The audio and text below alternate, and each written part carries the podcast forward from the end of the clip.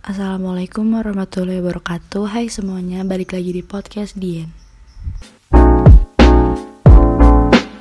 Jadi di episode kali ini kita bakal nyari tahu pentingnya prinsip kesetaraan untuk menyikapi perbedaan sosial Nah, apa itu kesetaraan? Kesetaraan adalah gagasan dasar, tujuan, dan misi utama peradaban manusia untuk mencapai kese kesejahteraan dan membangun keharmonisan kehidupan masyarakat.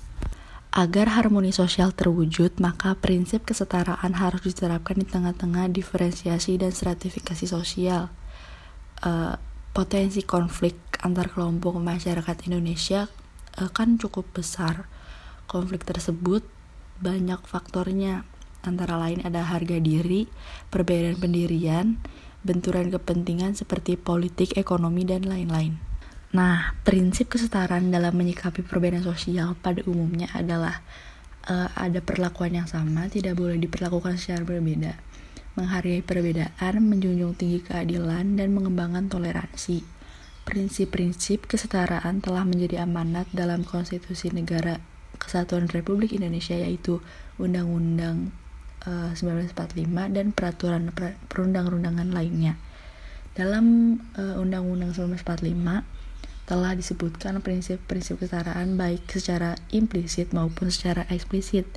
Dengan demikian, telah ditunjukkan bahwa kesetaraan dalam kehidupan negara dan berbangsa telah diakui dan dijamin oleh negara.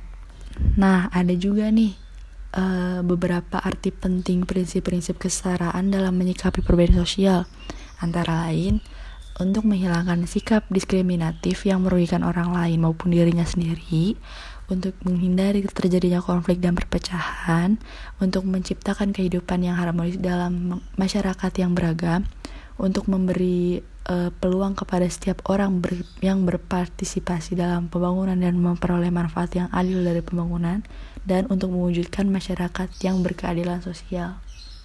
Nah, teman-teman, demikian pembahasan singkat materi tentang arti penting uh, prinsip kesetaraan untuk menyikapi perbedaan sosial. Semoga ada manfaatnya untuk kita. Terima kasih.